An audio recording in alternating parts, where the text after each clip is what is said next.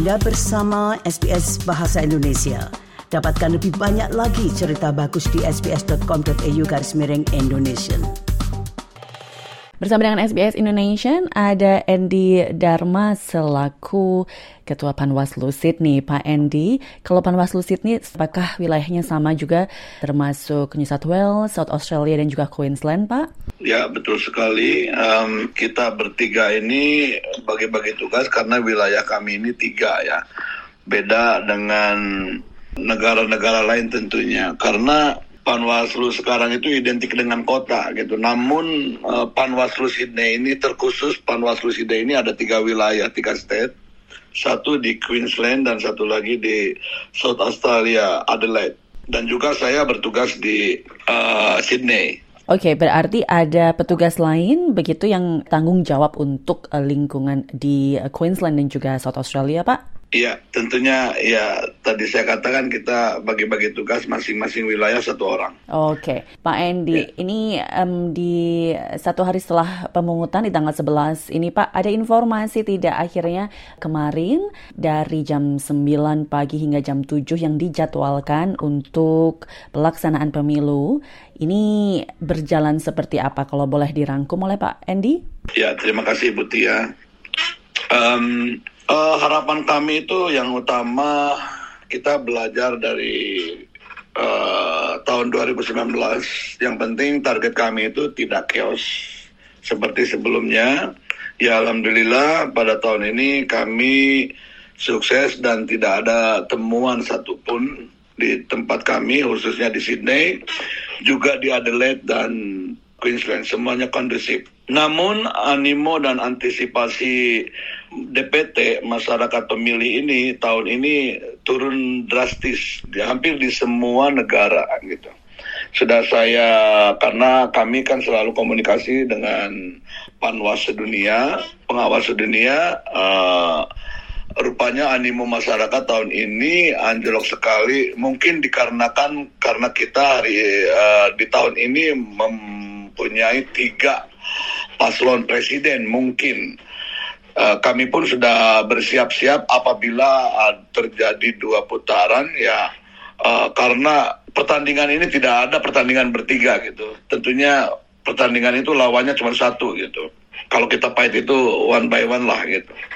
Satu lawan satu. Jadi kemungkinan kita udah antisipasi untuk apabila apabila terjadi putaran kedua mungkin ini akan lebih pahit lagi gitu diinformasikan dulu mungkin Pak um, tentang animo tadi uh, apakah ada datanya atau mungkin perhitungannya sekian persen? Terima kasih pencapaian uh, DPT de, DPTB dan DPK di sini ini khususnya hampir rata-rata air. Jadi uh, anjloknya di DPT ini ketika kita membuka gate ya kebetulan tahun ini kita ada nomor nomorik gitu nah jadi kita ada nomor antrian. Untuk menghindari antrian juga uh, animo masyarakat untuk di DPT pada usulnya anjloknya itu drastis gitu. Hampir uh, uh, 25 persen yang uh, mereka mencoblos di yang khususnya di DPT jadi uh, justru ledakan itu terjadi di DPTB dan DPK. DPK aja kita uh, sampai 2000 lebih gitu. Jadi hampir rata-rata Bu ya. Beda dengan tahun-tahun sebelumnya dia selalu dominan di DPT gitu. Uh, pencapaian di Sydney ini kemarin yang mencoblos dari total DPT atau kertas suara yang kita dapatkan dari pusat empat sebanyak 14.162 itu pencapaiannya cuma 40 persen. Tapi ini masih kasar bu ya karena kita uh, kertas yang digunakan untuk pos itu baru ada pengembalian yang tidak terpakai hanya 56 kertas suara yang dikembalikan. Namun sisanya itu itu uh, mereka itu kita belum bisa mendeteksi khusus yang pos ini yang mereka itu uh, yang mencoblos itu berapa itu belum bisa kita mendeteksi bu. Jadi belum dat uh, data pastinya belum uh, masuk, masih dalam perhitungan. Belum. Tetapi uh, tadi yang Pak Endi bilang 14.162 itu surat suara yang diberikan ke Sydney, begitu? Ya, ke Sydney. Sampai saat ini kertas mm -hmm. yang sudah dipergunakan plus pos itu 40 persen, Bu. 40 persen. Seperti di Melbourne lebih anjlok daripada kita. 30 persen dari 12.357 kertas suara yang didatangkan dari KPU. Juga PET masih lebih bagus 45 persen dari kertas suara 5.308. Uh, kalau kita ketahui ya, kayak di Melbourne ini kan lokasi uh, pencoblosan TPS ini sama tempatnya. Jadi nggak nggak ada nggak ada masalah dibanding di Sydney karena Sydney ini sekarang dilaksanakan di satu titik. Kenapa dilaksanakan di dalam satu titik? Karena ingin uh, mempermudah uh, pengawasan dari saya sendiri sebagai pengawas. Beda dengan tahun sebelumnya ada di lima titik karena tahun sebelumnya kita uh, memakai sistem radius ya. Jadi mereka itu radius 20 km ada di lima titik gitu, Bu. Ya. Berarti kemarin apakah uh, terbukti kalau menurut Pak Endi um, terbukti lebih mudah dalam pelaksanaannya dengan jadi satu lokasi untuk yang di New South Wales, Pak? Lebih mudah sekali, Bu. Lebih mudah sekali. Mungkin ya saya harapkan tahun yang akan datang itu tidak di Marubra Junction uh, public, public school, school ya. Hmm. Karena kalau kita lihat geografinya itu di barat pulau Pulau Sulawesi, jadi orang Aceh mau ke Sulawesi itu harus lewat Pulau Jawa atau Kalimantan, mungkin mereka malas. Tadinya saya itu memprediksi ke sana, kenapa animo masyarakat tahun ini anjlok ternyata ketika kami sounding kepada rekan-rekan kami yang satu benua ya, saya menanyakan teman saya yang kebetulan bertugas di Melbourne dan di Perth, semua bukan karena geografis eh, tempat pencoblosan. Ya. ya. Melbourne malah sudah sudah terbiasa di satu tempat di KJRI tempatnya ya. ya. Sama malah lebih anjlok daripada kita gitu. Namun kami udah semalam pun sudah bisa menampung uh, aspirasi dari masyarakat, dari paslon juga memohon untuk tahun yang akan datang itu dikembalikan seperti semula lima titik, tapi kami merasa keberatan di situ. Cuman mungkin letak strategisnya yang ah. kurang begitu. Bisa kalau kita uh, dipindahkan misalkan ke ke Olympic Stadium itu lebih bagus gitu karena kan aksesnya itu semua jalan tol gitu dari M1, M8, hmm. M7, M5, M4 semua kan connect di di Sydney ini. Kita kan punya uh, tunnel gitu, jalan bawah tanah gitu. Itu itu saya rasa lebih sempurna namun mungkin ya dari cost rentnya itu mungkin lebih tinggi daripada public school gitu. Ya. Mungkin gitu. ya. kalau di komersial kan kalau di stadion gitu. Oke, okay. Bapak boleh uh, diinformasikan tidak tapi um, tadi malam oh, sampai ya. jam berapa pelaksanaannya semalam begitu dan akhirnya uh, apakah tertampung semua, Pak? Ya, alhamdulillah kalau peserta pemilu ya di luar DPT ini uh, dan D D DPK ini yang tidak terdaftar sama sekali ya. uh, uh, kita uh, tersalurkan semua gitu. Sampai gate uh, kita sampai gate terakhir itu jam 8.30 itu sudah sudah nggak ada orang masuk lagi. Padahal kita memberi keleluasaan sampai jam 9 karena uh, sebelum memaju memajukan kita ya jadwal untuk DPTB itu yang sebelumnya itu kita udah komitmen jam 5 kita majukan ke jam 4.30 kita komitmen dengan musyawarah juga dengan semua paslon kita panggil semua saksi dari partai juga kita mau pakat di situ musyawarah dan oke okay, setuju semua kita majukan setengah jam. Nah, kita untuk mengasim antisipasi ini permasalahan ini kan belum belum dimengerti oleh pusat ini suatu catatan juga ya. Ya. Untuk pusat ini karena di luar negeri ini masyarakat kita itu kan pekerja semua. Ya. Rata-rata ledakan itu di, di jam 4 ya. itu. Uh, mereka juga cukup sabar untuk dibukanya DPTB dan DPK ini sampai menunggu di bazar. Untung kami dari ada kerjasama dengan Indonesian Community Council Uh, kebetulan presidennya saya sendiri, kami mengadakan bazar. Jangan sampai masyarakat itu marah, menunggu lama, lelah gitu. Jadi di situ ada hiburan, ada bazar makanan, ada perform. Jadi mereka merasa terhibur. Gitu. Menunggunya juga walaupun lama tidak terasa lama gitu ketemu kawan sesama etnisnya, sebangsanya gitu, sekomunitasnya. Jadi tidak merasa jenuh dan uh, antusias sekali dengan adanya hiburan ini gitu. Betul betul. Gitu. Tapi kemarin berarti um, tentang aturan tanda kutip bahwa pemilihan dilakukan selama 10 jam itu berarti kita extended ya Pak ya? Iya. Uh, ada koordinasi dengan uh, pusat begitu? Uh, kalau masalah ini kita uh, di, apa namanya itu punya ini sendiri ya kita nggak uh, ada kebijakan sendiri gitu pak ada kebijakan sendiri gitu. Kebijakannya tiap tiap negara beda. Jadi kita ambil musyawarah mufakat aja berarti akhirnya gate tutup kemarin jam 8.30 ya Pak Endi betul? Kita tutup jam 9 tetap walaupun nggak ada orang masuk gitu. Tetap karena kita udah sepakat. Gate kita tutup jam 9 walaupun dari jam 8.30 sudah nggak ada orang masuk. Oke. Okay. Kita pun harus baik-baik dengan pihak uh, sekolah ya yang memiliki gedung tersebut.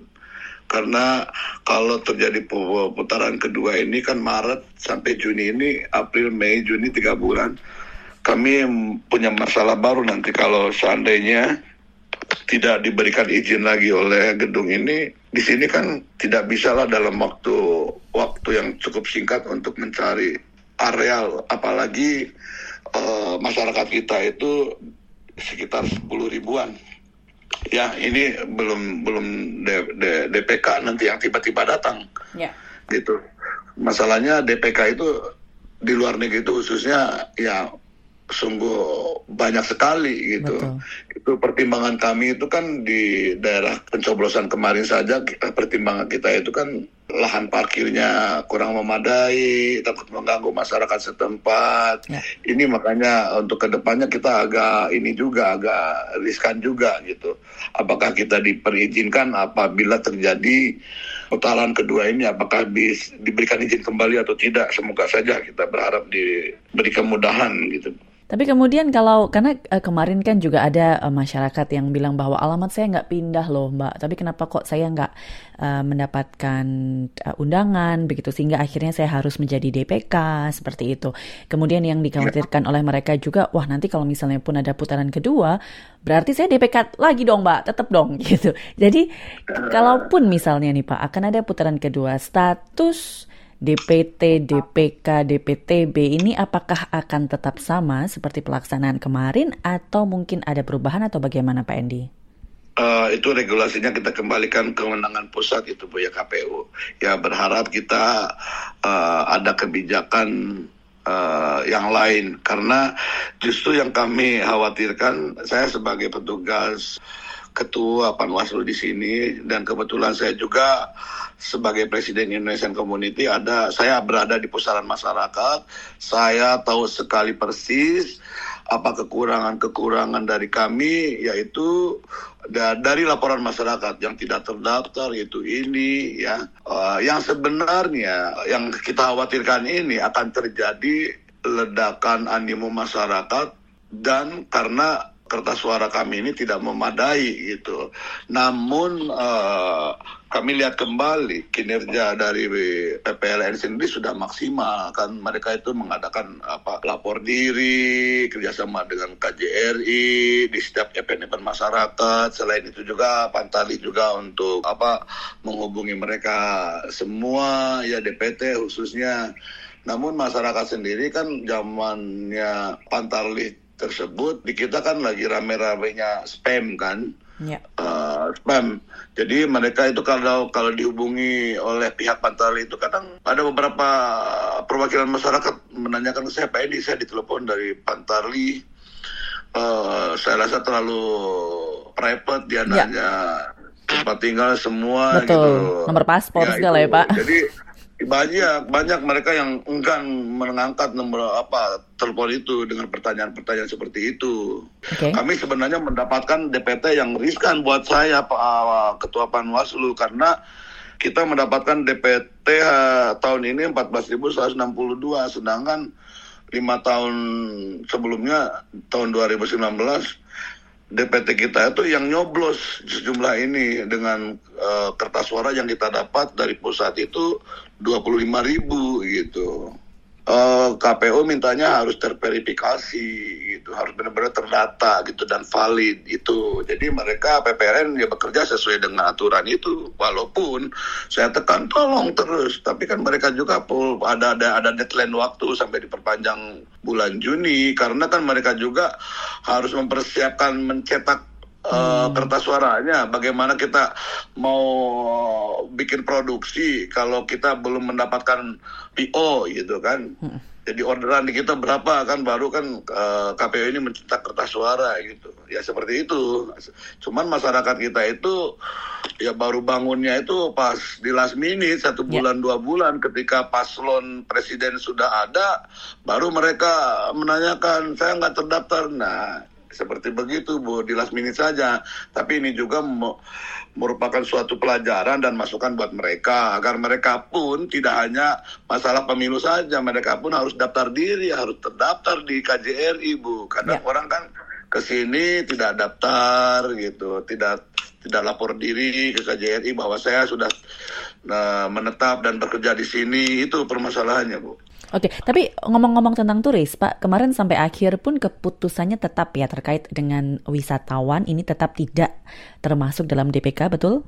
Betul, betul. Sebenarnya kami tidak tidak uh, tidak ada peluang untuk mereka lagi. Uh, apalagi Singapura sudah jauh-jauh hari ya.